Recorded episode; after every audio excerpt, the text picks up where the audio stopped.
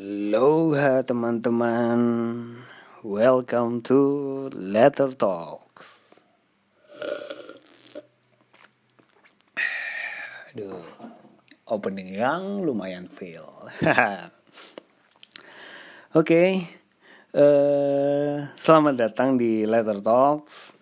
Uh, Ini episode Apa bukan episode sih ya Ini saya mencoba bikin konten Mau konten bikin segmen baru dengan tajuk uh, kajian resahmu. Nah, jadi uh, kayaknya ke kepikiran sih soalnya kalau misal yang letter talks kemarin kan isinya saya ngobrol bareng teman-teman tuh. Nah, uh, daripada soalnya beberapa janjian sama teman-teman yang lain kan susah.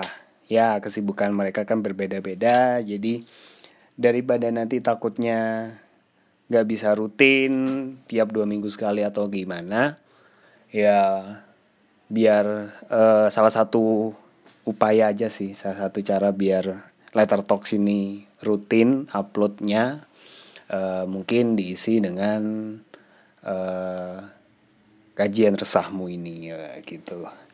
Nah isinya apa? Uh, di uh, apa ya di tajuk kajian resahmu ini mungkin uh, isinya uh, tanya jawab. Nggak tanya jawab. Jadi kemarin kan saya sempat uh, bikin pertanyaan di Instagram tentang apa yang mau ditanyakan gitu. Daripada saya bukan daripada juga sih apa? Karena kan uh, kadang saya juga lumayan mikir mau ngomong apa enaknya gitu.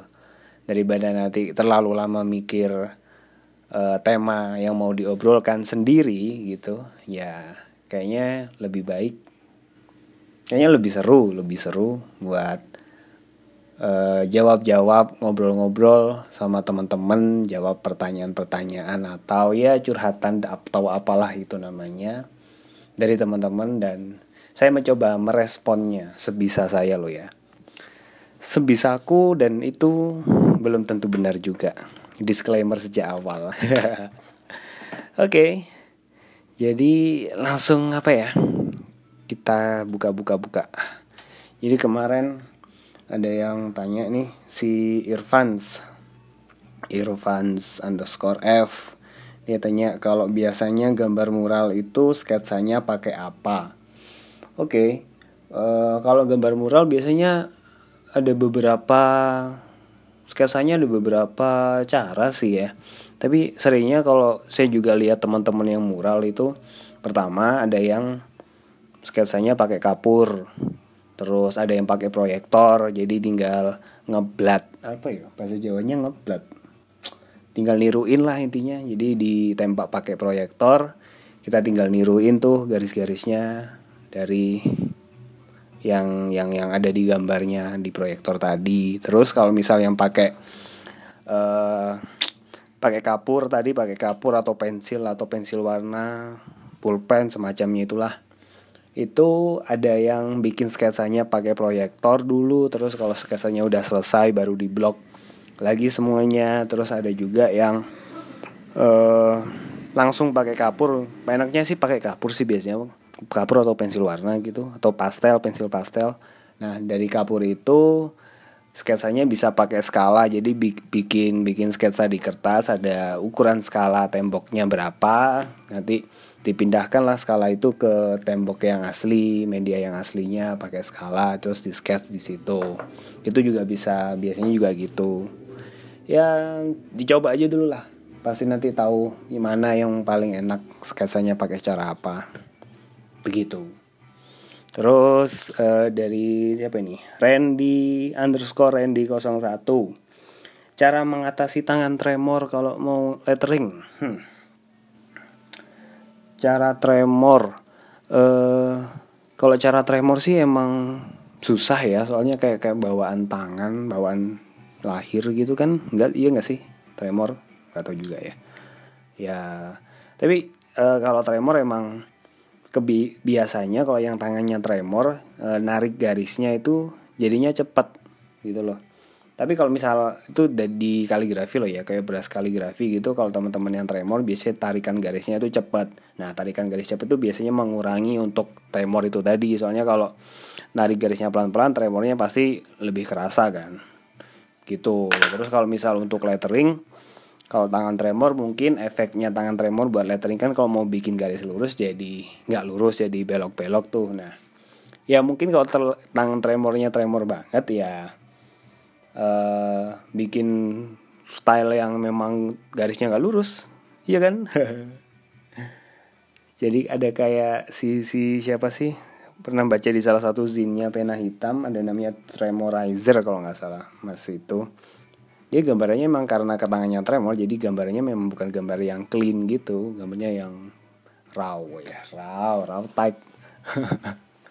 Gambarnya emang gambar yang nggak nggak nggak clean gitu gitu. Jadi bisa jadi ciri khas tersendiri lah kalau misal ya tinggal bagaimana memaksimalkan aja sebenarnya. Uh, terus terus si bisa juga belajar sign painting tuh si Mas Erwin Mas Endraw itu kan tangannya dia juga cerita tangannya kan tremor. Tapi wah aku lihat sendiri sih. Waktu-waktu kuasnya belum nempel di medianya itu tremor tapi begitu kuasnya udah nempel di medianya wah tangannya langsung jadi steady banget gak tremor gitu. Tapi emang butuh latihan yang lama memang untuk mengatasi bagaimana tremor itu biar gak tremor gitu. Jadi kalau cuma ah latihan berapa kali terus tetap tremor ya baru berapa kali terus minta tremornya hilang ya nggak bisa Oke, okay, terus dari Abai, Abai Aditya, lu bay. Uh, gimana cara ngilangin rasa nggak pede di saat mau share karya? Hmm. Uh, rasa nggak pede sebenarnya emang dari diri sendiri sih itu. Kalau misal memang merasa karyanya belum maksimal, memang seringnya muncul perasaan nggak pede buat nge-share karena memang kita sendiri tahu karya kita belum maksimal gitu ya.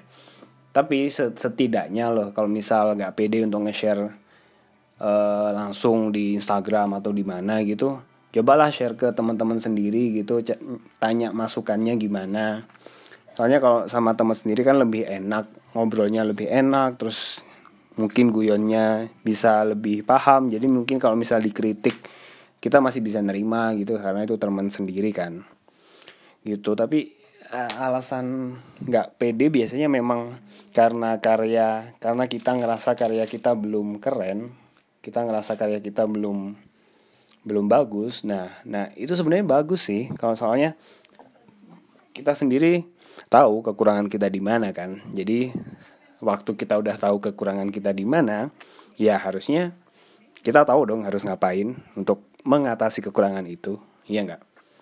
Oke jadi ya pokoknya belajar terus disiplin terus latihan terus sampai kita sendiri udah ngerasa puas. Oh kayaknya ah kayaknya uh, ini udah cukup deh. Kan kita harus punya target juga kan.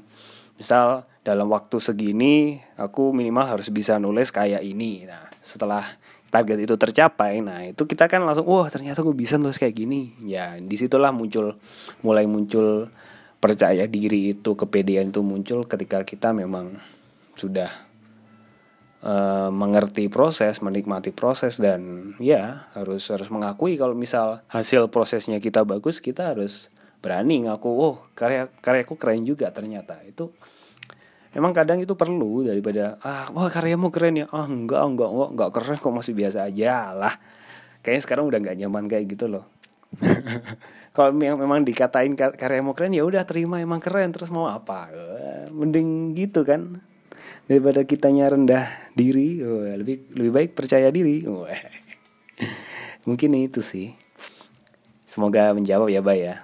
Wah cepet wis. Upload upload toh upload toh wis upload toh terus dari si ah ini dari Tuan Syah tanya gimana prospek lettering ke depannya Hmm, aduh, prospek lettering wah saya bukan siapa-siapa untuk memprediksi prospek. tapi tapi kalau misal dilihat perkembangannya ya, emang kayaknya hype hype hype-nya lettering kaligrafi agak menurun dibanding ya dibanding dua dua tiga tahun awal dibanding 2014 sampai 2016. Mungkin hype-nya sedikit turun tapi dengan hype yang sedikit turun itu tapi teman-teman udah mulai kayak udah mulai tahu nih uh, mulai tahu dia mau fokus di bidang apa. Soalnya lettering sama kaligrafi juga cabang-cabangnya banyak kan bagusnya itu sih. Jadi uh, sekarang bagusnya udah mulai banyak. Acara acara-acara workshop di beberapa beberapa kota udah mulai sering. Terus uh, apa lagi? Uh, kayak eksibisi-eksibisi udah mulai ada. Terus di beberapa event juga banyak undang-undang pemateri-pemateri yang hubungannya tentang lettering sama kaligrafi. Bagus kan? Itu bagus. Kayak eh, mungkin mungkin prospek ke depannya ya aman lah. Dan kayaknya sih emang bakal sedikit sedikit demi sedikit naik gitu. Soalnya uh, kalau dibanding dengan seni karya seni yang lain memang lettering sama kaligrafi belum belum bisa selevel lah ya kalau secara kasat mata loh ya.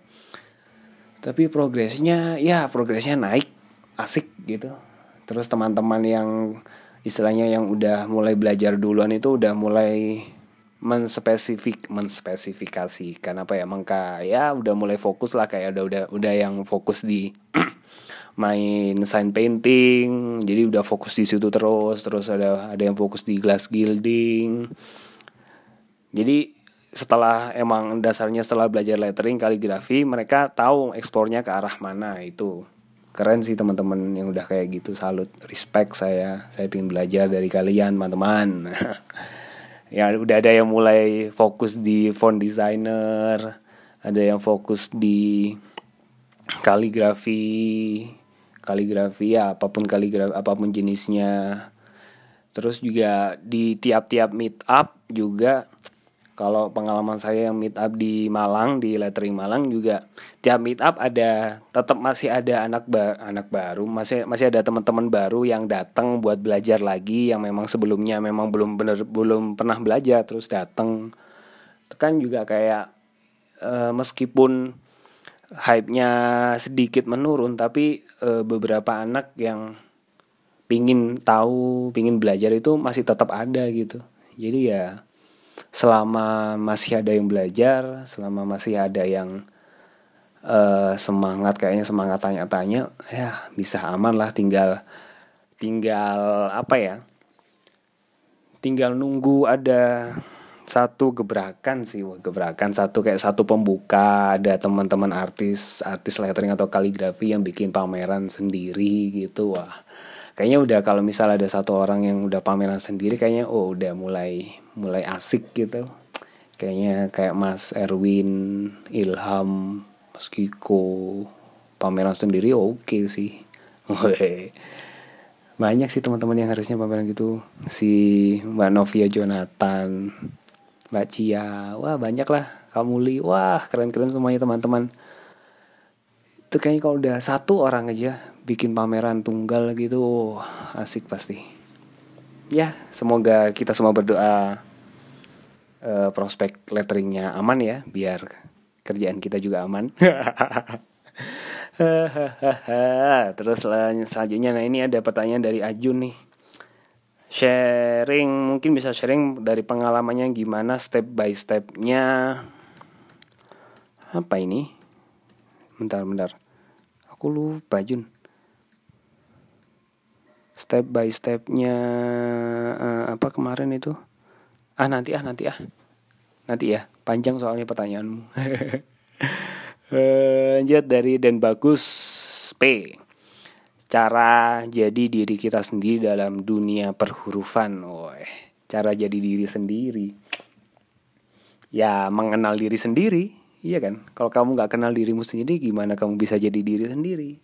Kamu pasti meniru orang-orang lain yang kamu anggap yoi aku pingin nih jadi dia. Terus setelah jadi dia jadi kayak dia mengikuti jalannya dia terus kamu mau apa? Kamu merasa selama ini telah berbohong dengan terhadap dirimu sendiri?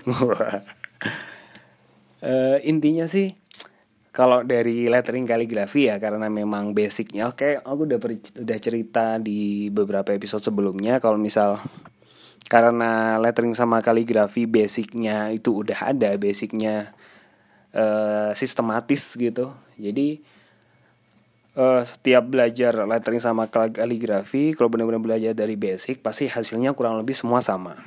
Nah yang membedakan tinggal bagaimana kita ekspor nah eksplorasi seseorang kan eh, ada pengaruhnya terhadap lingkungan sekitarnya. Bagaimana dia bersikap itu kan juga mempengaruhi bagaimana cara orang untuk eksplorasi karya yang dia buat. Nah itu. Tergantung dirimu sendiri sebenarnya. Balik lagi kalau kita nggak kenal diri kita sendiri gimana caranya kita jadi diri sendiri? Gimana caranya kita e, bisa memberikan sentuhan pribadi terhadap karya-karya yang kita buat? Wah begitu kan? Mungkin mungkin gitu. Dari uh, siapa siapa lagi? Fatoni Mas ngopi. Yuk ayo ngopi. Siap kabarin aja kapan. Sebelum aku balik Malang.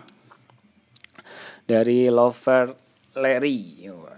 Yang harus diperhatikan oleh pemula dalam membuat lettering dan alat yang terbatas. Wah kalau yang diperhatikan pemula basicnya sih. Lagi-lagi memang basic garis entah itu kaligrafi atau lettering. Kalau lettering mungkin basic huruf basic anatomi huruf perlu diperhatikan. Kalau misal masalah kaligrafi eh, basic garisnya harus benar-benar diperhatikan. Kuasain basicnya dulu please tolong rek tolong. Pelajari benar-benar basicnya. Itu sangat berpengaruh terhadap karya-karya yang kalian buat.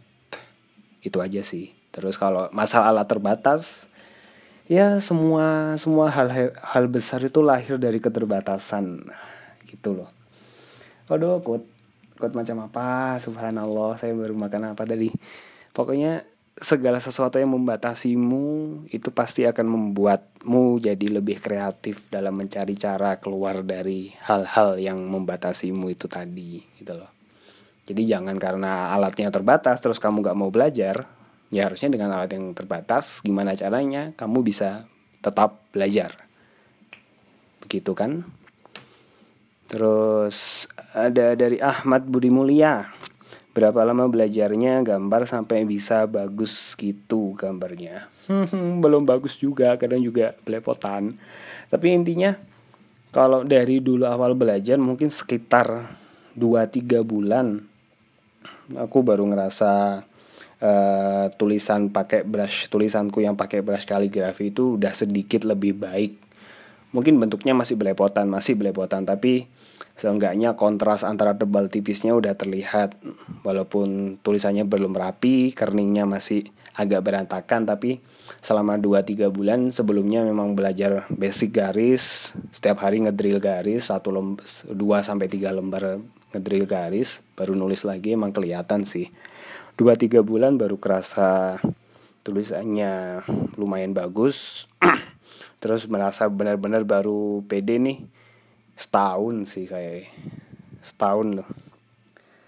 Kurang lebih setahun baru ngerasa wah tulisanku ternyata asik gitu. Jadi uh, muscle memorinya udah terbentuk. Jadi udah mulai enjoy. Kok bu bukan enjoy sih dari awal udah enjoy ya. Udah mulai apa namanya ya baru setahun tuh kayak udah bener-bener baru bener-bener ngerasa wah asik nih aku bisa nih kayak gini terus gitu loh.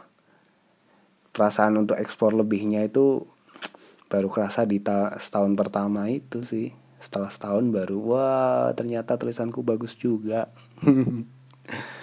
Gitu. Jadi tergantung kita, seberapa sering kita latihan seberapa disiplin kita latihan sih. Ngedrill garis penting balik kayak pertanyaan sebelumnya gitu. Dari Adia Novita uh, gimana cara mempertahankan signature signature signature? Hmm, apa itulah signature style tapi nggak ngebosenin. Uh, uh, uh, uh, mempertahankan style tapi nggak ngebosenin ya? Ya balik ke ekspor tadi sih. Uh, stylenya ter, uh, style karakter itu bisa kita ekspor terus menerus kan. Kita ambil contoh kayak si Abim aja deh yang kayak postingannya konsisten nih ya dia Victorian style dengan detailnya seperti itu terus presentasi yang seperti itu. Kurang lebih secara garis besar sama kan tapi kok nggak ngebosenin gimana? Nah e, karena e, karena apa yang bikin nggak ngebosenin menurut saya ya detail-detail kecilnya itu. Jadi kayak komposi secara garis besar stylenya sama tapi secara komposisi terus secara detail-detailnya itu berbeda gitu. Jadi ada perkembangan antara stylenya tetap stylenya masih tetap dipertahankan dan ada eksplorasi detail-detailnya itu tadi yang bisa bikin uh, bisa bikin yang lihat itu terus tertarik gitu. Pada akhirnya emang cara kita explore, cara kita mempertahankan style dengan mengeksplornya lebih jauh lagi. Mungkin gitu. Biar gak ngebosenin. Ya emang kadang-kadang kalau kita uh, apa ya terus sama satu style aja, emang kadang kitanya sendiri yang ngerasa bosen kan. Itu ya gak salah juga kalau misal kita belajar style lain siapa tahu dengan belajar style lain terus kita jadi menemukan hal baru yang bisa diterapkan ke dalam style kita sendiri. Ada kombinasi-kombinasi baru terus memunculkan style baru lagi. Wah bisa kan? Itu eksplorasi intinya. Dari Mas Gozali halo bagaimana guide klien dari Instagram bagi pemula? Waduh agak-agak tricky sih ya uh, konten yang bicara memang. Kualitas karya kita yang bicara sampai orang lain mau tertarik buat kerjasama sama kita. Jadi ya memang uh, karya-karya kita bicara sih kalau dari Instagram sih. Saya pernah pengalaman juga ditawarin orang dari Instagram gara-gara pokoknya nggak nggak sama sekali pengen nggak sama sekali kepikiran bisa dapat klien dari Instagram tapi suatu hari, suatu ketika ada orang yang tiba-tiba DM atau tiba-tiba lewat email kontak, eh aku lihat karyamu di Instagram bagus nih, aku pingin bikin sesuatu, pingin bikin logo atau pingin bikin uh, desain, gimana gimana gimana, nah itu. Pokoknya intinya ah, yang paling awal jangan pingin dapat klien dulu. Uh, usahakan memang karya me kalau kita berkarya memang pingin membuat sebuah karya bukan kepingin dapat klien kepingin dapat eh, apa ya kepingin material materialnya materialistis apa lah itu ya. Pokoknya jangan dulu mikirin klien deh. Mikirin gimana kita berkarya yang benar. Kalau misal lettering kaligrafi gimana kita bikin karya lettering atau karya kaligrafi yang memang bener-bener bagus sesuai sama eh, kaidah-kaidahnya sesuai sama basic-basic yang kita pelajari sebelumnya. Kalau masalah kalian itu pasti masalah klien, pasti kalau misal kita berkarya memang udah bagus, mereka datang sendiri kok. Terus tinggal bagaimana kita cara kita presentasi aja gitu. Yang penting jangan oke jangan termotivasi jangan termotivasi karena klien berkarya karena klien karena pingin dapat iming-iming iming-iming dolar. Memang memang itu berpengaruh sih berpengaruh. Tapi kalau memang kita terlalu mengejar hal itu pasti kualitas berkarya pasti uh, pasti nggak bisa nggak bisa naik dengan cepat. Nah, mungkin ya mungkin loh ya kalau buat saya sih itu, jangan terlalu memikirkan gimana cara dapat klien. Pasti rezeki datang sendiri kalau kita berkarya dengan sepenuh hati. Wah. Subhanallah kata-kata saya. Tai, tai. Kemudian dari Habiu 2104. Oh, apa ini 2104? Lahir du, tanggal 21 bulan 4 atau tanggal jadian tanggal 21 bulan 4 tips kakak buat para newbie yang mau komersil? Aduh ya seperti pertanyaan sebelumnya masih masih anget kan? Jangan dulu mikirin komersil. Kalau memang tulisannya belum benar-benar sesuai belum belum benar benar benar tebel tipisnya belum rata terus tulisannya belum rapi keringnya masih kacau uh, apalagi keringnya masih kacau terus besar hurufnya nggak bisa bikin yang rapi. Jangan dulu mikirin komersil please. Tolong rek. Tolong iki. Pikirin aja dulu gimana cara ya cara ah pikirin aja dulu gimana cara bikin karya yang benar-benar bagus. Masalah komersil itu nanti pasti datang sendiri kok. Lagian kalau misal kalian mau komersil buat apa sih? Buat nambah jajan nah gitu loh. Kalau buat nambah jajan aja teman-teman yang uh, hidup dari lettering sama kaligrafi buat kebutuhan hidup makan makan dan segala macam buat anak istri buat membayar sana sini itulah kasihan juga toh Pokoknya jangan dipikir, jangan pikirin masalah komersil dulu. Yang penting gimana caranya berkarya dengan yoi terlebih dahulu itu yang dipikirkan. Begitu. Terus dari Kelana Aksara, saya ngerasa segini-segini aja nih letteringnya. Pengen ikut pen meet up, tapi nggak ada komunitas di kota saya. Terus ada juga di kota sebelah. Itu pun jarang ada meet up. Nah, ada gak cara lain biar saya bisa upgrade skill saya uh, kalau masalah upgrade skill masalah belajar memang saya sebenarnya sekarang ngobrol langsung memang sangat-sangat membantu ya ngobrol langsung sama teman-teman yang memang udah belajar lettering lebih dulu itu sangat membantu. Tapi kalau misal itu belum memungkinkan ya memaksimalkan apa yang ada gitu loh. Kan sekarang di YouTube udah banyak tutorial-tutorial terus uh, dokumen-dokumen oh dokumen. PDF-PDF yang bahas tentang lettering kaligrafi juga udah banyak yang bisa dicari. Ya coba maksimalkan itu dulu.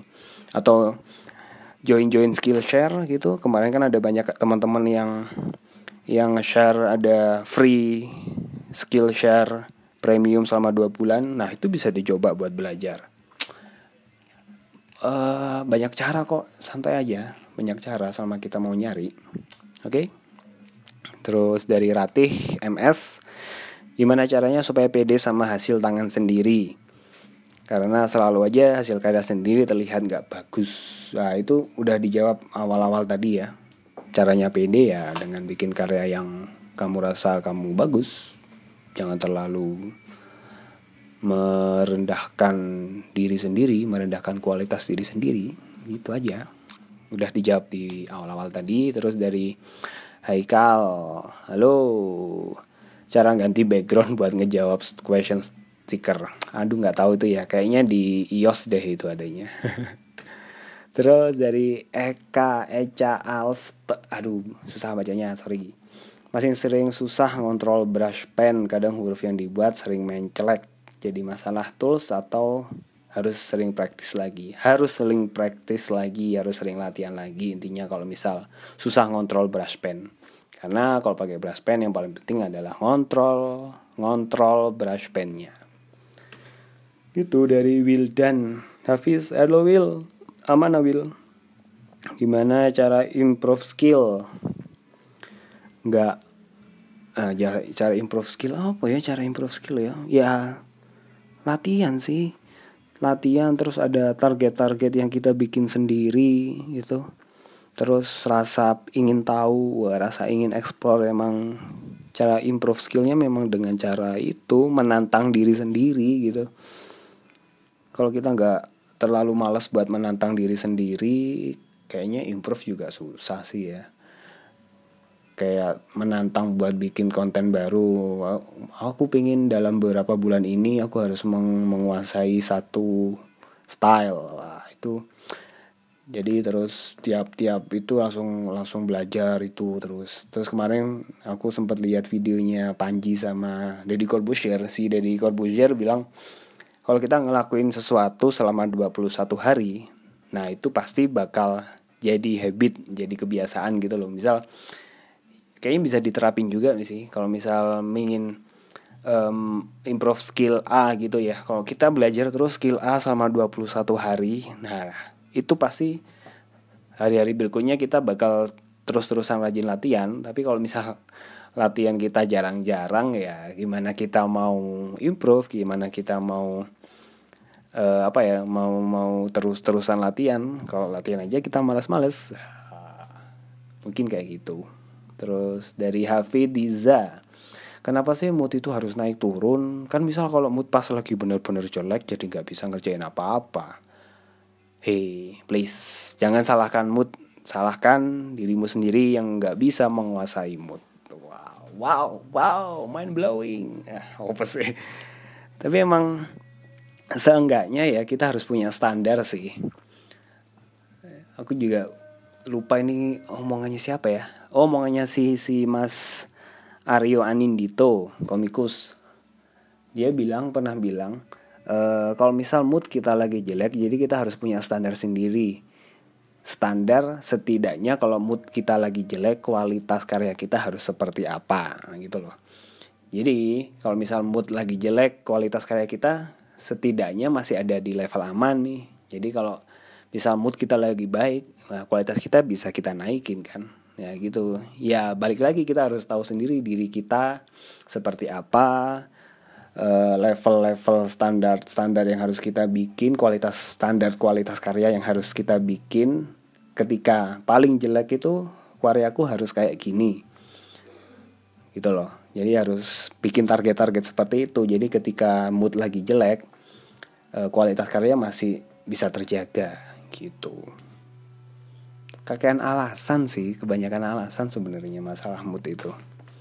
Masa sama mood yang jelek aja kalah? Padahal saya sendiri juga bermasalah dengan mood ya semua masalah kita sama sih masalah mood sih. Terus siapa ini? Ada Rika karena lebih suka modern lettering atau aduh nggak kelihatan lupa.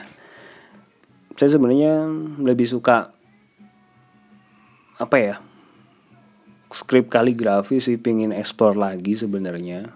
Tapi tertarik sama masih tetap tertarik sama lettering sama Victorian style juga lagi tertarik. Pingin belajar black letter juga eh kayaknya susah banget black letter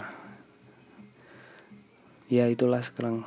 Terus dari Abim Alfonso Sabim bagaimana cara mengaktifkan Instagram musik? Aduh kuaya mupim sombong yang mentang-mentang Instagram musiknya bisa jalan. Dari SD Wibayu Mas minta tips buat mokap cakep kayak punya itu masnya. Aduh mokap kalau mokap tanya Alfonsus Abim tanya Abim aja bagaimana cara bikin mokap dia udah berhasil bikin mokap pakai smart object dan saya belum bisa bikin kayak gitu. Biasanya sih cek uh, kalau misal foto-foto buat mokap itu seenggaknya aku nyoba fotonya di outdoor yang dapat dapat apa? Dapat cahaya langsung. Maksudnya bukan dari cahaya-cahaya dari lampu gitu. Soalnya kalau dari cahaya dari lampu kalau misal cahayanya juga kurang oke okay, hasil fotonya juga kurang oke. Okay. jadi aku lebih seringnya foto di outdoor outdoor ya. Pokoknya di luar ruangan lah biar dapat cahaya matahari langsung gitu sinar matahari langsung. Terus tinggal diedit-edit lagi diedit-edit lagi yang misal backgroundnya putih ya dibersihin putihnya biar nggak kotor terus nggak ada noise lagi gitu. Pokoknya dapat sinar cahaya langsung lah artinya terus masalah angle juga kalau mocha biasanya ada yang dari atas dari 90 derajat. Biar gampang itu biasanya dari situ 90 derajat. E, pakai kamera apa? Pakai kamera HP juga bisa selama hasilnya bagus soalnya kameranya kamera kamera HP sekarang udah bagus kan? Gitu. Apa aja bisa lah. Tinggal tergantung apa ya angle yang kita pilih. Pengalaman juga eksplorasi lagi itu intinya. Terus Jeffrey Chivas bagaimana cara membuat dan apa aja yang perlu diperhatikan dalam membuat logo brand karya kita masing-masing? Bikin logo logonya kita sendiri ya. Yang apa ya cara membuat ya tinggal digambar. Terus apa aja yang perlu diperhatikan? Karakter diri kita sendiri seperti apa? Selama memperhatikan karakter kita memperhatikan style karya kita ke mana terus fokus kita mau kayak gimana misal di lettering fokus kita di lettering atau fokus di desain grafis. Nah harus mengerti karakteristik kita sendiri terus fokusnya gimana? Itu sih yang dibutuhkan yang perlu diperhatikan ding harus sesuai. Logo kan menggambarkan siapa kita ya. Kita harus ngerti kan kitanya siapa baru bisa digambarkan dalam bentuk logo. Itu. Terus dari wih ternyata masih lumayan banyak. Ya Allah. Saya kok mulai mengeluh? Dari amal FT caranya menghindari diri dari kemalasan. Apa ya? Saya juga sering males sebenarnya ya mungkin cara menghindarinya dengan bikin target-target itu tadi atau bikin poin-poin setiap hari bikin checklist harus ngapain aja terus ya itu checklist bikin apa aja. Kayak kita udah kayak bikin checklist setiap pagi hari atau malam harinya itu sedikit banyak membantu buat kita ngerti harus hari ini harus menyelesaikan apa aja gitu seenggaknya daripada mengingat-ingat biasanya kalau mengingat-ingat kan lupa terus nggak kekejar terus molor lagi deadline-nya. Gitu. Semua orang punya kemalasannya masing-masing sih. Saya juga masih me, me apa ya pasti masih mencari cara untuk mengatasi kemalasan itu. Sorry. Karena semua orang memang malas pada dasarnya pengen dari Hajar Aswad pengen bikin begituan tapi selalu gagal sedih jadinya. Ya karena gimana nggak mau gagal kalau latihan aja nggak pernah. Ya kan? Latihan aja malas-malasan. Ya selalu mengerasa gagal jadinya. Gak menjawab ya pertanyaanku. Ya Allah. Nah terakhir nih dari Fadil Fakih Belajar lettering dari mana? Belajar dari melihat karyanya teman-teman Belajar sendiri atau tidak Belajar cari cari tutorial-tutorial di Youtube Cari PDF-PDF tentang lettering dan kaligrafi Terus kalau ada karya Coba dipahami alur-alurnya Terus banyak ngobrol sama teman-teman yang lain begitu. Intinya belajar dari mana? Banyak sih yang yang bisa menjadi sumber buat kita belajar gitu. Terus terus. Nah pertanyaannya si siapa? Ajun nih. Kemarin oke okay loh pertanyaannya si Ajun. Bentar-bentar saya mencoba mencari pertanyaannya. Mas Ajun Jeffrey. Uh, mana mana mana? Cun mana cun mana cun mana cun mana cun uh, Cuna ini. Mas Ajun Jeffrey kemarin tanya mungkin bisa sharing peng pengalaman step by step ngasih service ke klien dengan sebaik dan seprofesional mungkin. Biar mereka nggak nyesel datang ke kita biar kayak jodoh kamu memang orang yang tepat untukku. Apa sih? Uh, nyari serv eh nggak nyari ngasih servis ke klien ya dengan cara profesional dan sebaik mungkin. Uh, mung mungkin kalau secara pengalaman pengalaman cer ya mungkin kalau misal untuk seprofesional mungkin masalah tepat waktu on time masalah deadline itu harus benar-benar dijaga sih. Kalau bisa malah misal deadline-nya hari Kamis kalau misal udah selesai hari Selasa atau Rabu yang langsung dikirim. Itu juga jadi poin plus buat si klien gitu. Terus di samping masalah waktu juga masalah kualitas nih kalau misal uh, secara kualitas harus bisa mempertahankan kualitas sih. Kalau misal si klien klien mintanya uh, seperti A B C nah kita harus bisa seperti itu gitu. Dengan dengan ya dengan pengalaman yang kita punya dengan apa ya dengan kualitas yang kita punya kita harus uh, memberikan mendeliver pekerjaan ke klien itu dengan kualitas yang sempurna. Oh, sorry sorry. Dengan kualitas yang bagus. Mempertahankan kualitas sih penting sih. Itu jadi ya nggak boleh males-malesan kan kalau misal udah urusan ke klien gitu. Intinya terus komunikasi juga penting kalau misal uh, harus jelas di awal nih. Kalau misal udah deal harga segini usahakan uh, kalau misal meskipun udah saling percaya ya uh, minta DP dulu gitu minta DP dulu atau lunas dulu baru kita buat baru kita apa uh, mengerjakan project itu itu biar bisa aman kitanya enak si klien juga enak gitu jadi meminimalisir klien yang ngilang di tengah jalan. Soalnya banyak pengalaman seperti itu gitu. Tema emang kalau biar biar klien balik ke kita memang yang paling penting masalah kualitas memang harus terus dijaga sih. Ditingkatkan kalau bisa. Itu kalau misal klien udah puas dengan kualitas yang kita berikan pasti pasti sedikit banyak dia balik lagi sih. Amin. Mari kita aminkan. Uh, apalagi ya? Uh, yang bisa bikin klien balik lagi hmm, ya yeah, dengan tetap tetap kualitas sih menurutku. Terus cara komunikasi kualitas cara kita berkomunikasi dengan klien on time masalah ketepatan waktu ketepatan waktu deadline itu terus masalah invoice cair atau cepat cepat enggaknya itu kita serahkan kepada yang di atas apa yang di atas aspek bukan. Kita serahkan pada yang lebih berwenang. Pokoknya yang pokoknya eh, jangan lupa meminta DP terlebih dahulu ya sebelum mengerjakan project. Biar setidaknya udah ada nafas sedikit. Ya memang memang semuanya kualitas yang berbicara. Jadi kalau misal teman-teman kok kalau memang merasa kualitasnya belum oke okay, terus udah memaksa udah kepingin punya ada cepet dapat klien nah itu juga juga masalah sih kalau misal baru belajar lettering sama kaligrafi 2-3 bulan tetapi udah udah cari udah berani bikin apa ya udah berani. Bebas sih masalahnya. Sebenarnya bebas sih sebenarnya bebas sih. Tapi udah bikin commission atau apa dengan karya yang belum proper gitu juga.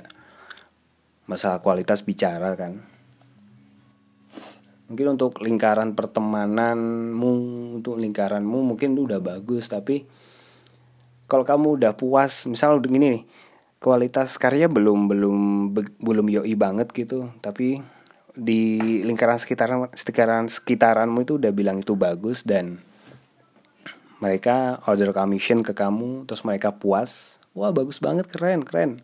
Padahal sebenarnya kamu tahu karya-karya yang kita buat tuh nggak bagus-bagus banget loh sebenarnya itu kan bisa jadi kayak apa ya pisau bermata dua wow nggak jadi kayak uh, ngefek ke kita gitu loh kita sudah terlalu puas dengan kualitas seperti itu jadinya kita jadi malas untuk eksplor lagi Padahal untuk lingkaran yang lebih besar untuk orang-orang yang mungkin belum belum mungkin belum kita tahu karya kayak gitu belum belum oke. Okay. Tapi jangan gara-gara lingkaran sekitaranmu bilang karyamu bagus terus kamu merasa puas dan akhirnya nggak mau eksplor lagi. Salah sih kalau kayak gitu. Itu juga ngaruh juga ke klien. Mungkin klien memang nggak nggak langsung dapat klien yang besar, tapi dengan klien-klien kecil dan kalau klien kecil itu mereka puas artinya ya kamu sendiri juga nggak jangan merasa puas jangan terlalu merasa cepat puas juga masa dengan kayak gini sudah puas dengan klien-klien yang kecil terus oh pingin deh dapat klien yang besar klien yang oke okay, kelasnya lebih tinggi gitu. Gimana caranya? Ya kita harus tetap menjaga menjaga kualitas dan meningkatkan kualitas karya yang kita buat kan. Eksplorasi lagi intinya. Itu. Intinya begitu. Ya. Mungkin itu sih Jun. Ya sorry kalau misal belum begitu menjawab tapi kalau menurut saya memang masalah kualitas yang bicara. Kalau tentang klien yang mau kembali lagi atau enggak itu cara kita menyampaikan karya menyampaikan keinginannya dalam sebuah karya yang berkualitas yang kualitasnya terjaga ya ekspektasinya kalian dengan bekerja sama dengan kita pastikan si klien ini punya ekspekti, ekspektasi tersendiri kan. Kita harus juga menjelaskan di awal nih kalau misal si klien ngasih ngasih uh, referensi yang jauh banget dari dari kemampuan kita ya kita harus jujur kita harus jujur juga dong.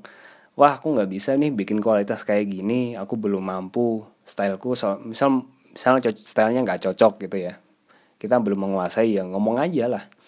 Aku nggak bisa bikin kayak gini soalnya bukan bukan bidang ya bukan kemampuanku belum di situ gitu. Ada temanku yang lain gitu. Itu lebih lebih kayak klien lebih respect sih kalau bilang kayak gitu. Daripada kita wah si si klien minta referensi kayak A sedangkan kita lebih oke-nya di B dan kita belum oke-oke banget di A gitu. Malah jauh gitu lah jadi kalau kita misal kita memaksakan mengerjakan hal itu ya jadinya nggak bakalan bagus kan? Pasti levelnya gitu-gitu aja. Malah mungkin hancur mungkin uh, mungkin mungkin nggak sesuai sama ekspektasinya si klien terus kliennya kecewa invoice nggak dilunasin dia kabur hmm, siapa yang rugi kan?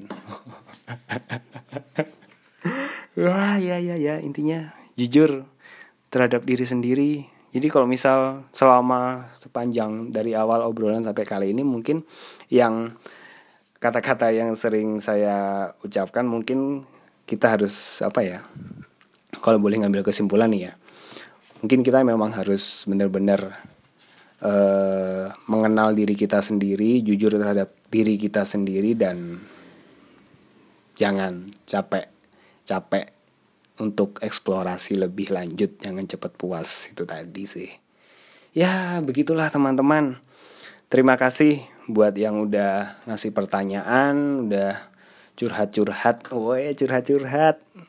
Ya pokoknya terima kasih teman-teman yang udah merespon pertanyaan saya kemarin.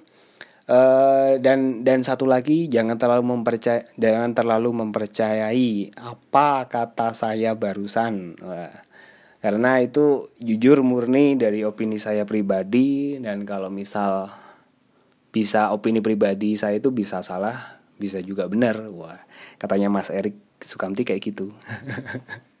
Jadi ya kalau misal uh, kata-katanya apa yang saya obrolkan tadi kurang bermanfaat saya mohon maaf. Tapi kalau misal bermanfaat ya boleh digunakan boleh di, di, di diambil yang baik-baik aja lah intinya kalau misal terlalu banyak kelanturnya jangan didengarkan nggak penting nggak penting obrolan saya Oke, jadi segini dulu. Ternyata lama juga saya ngobrol ngalor ngidur.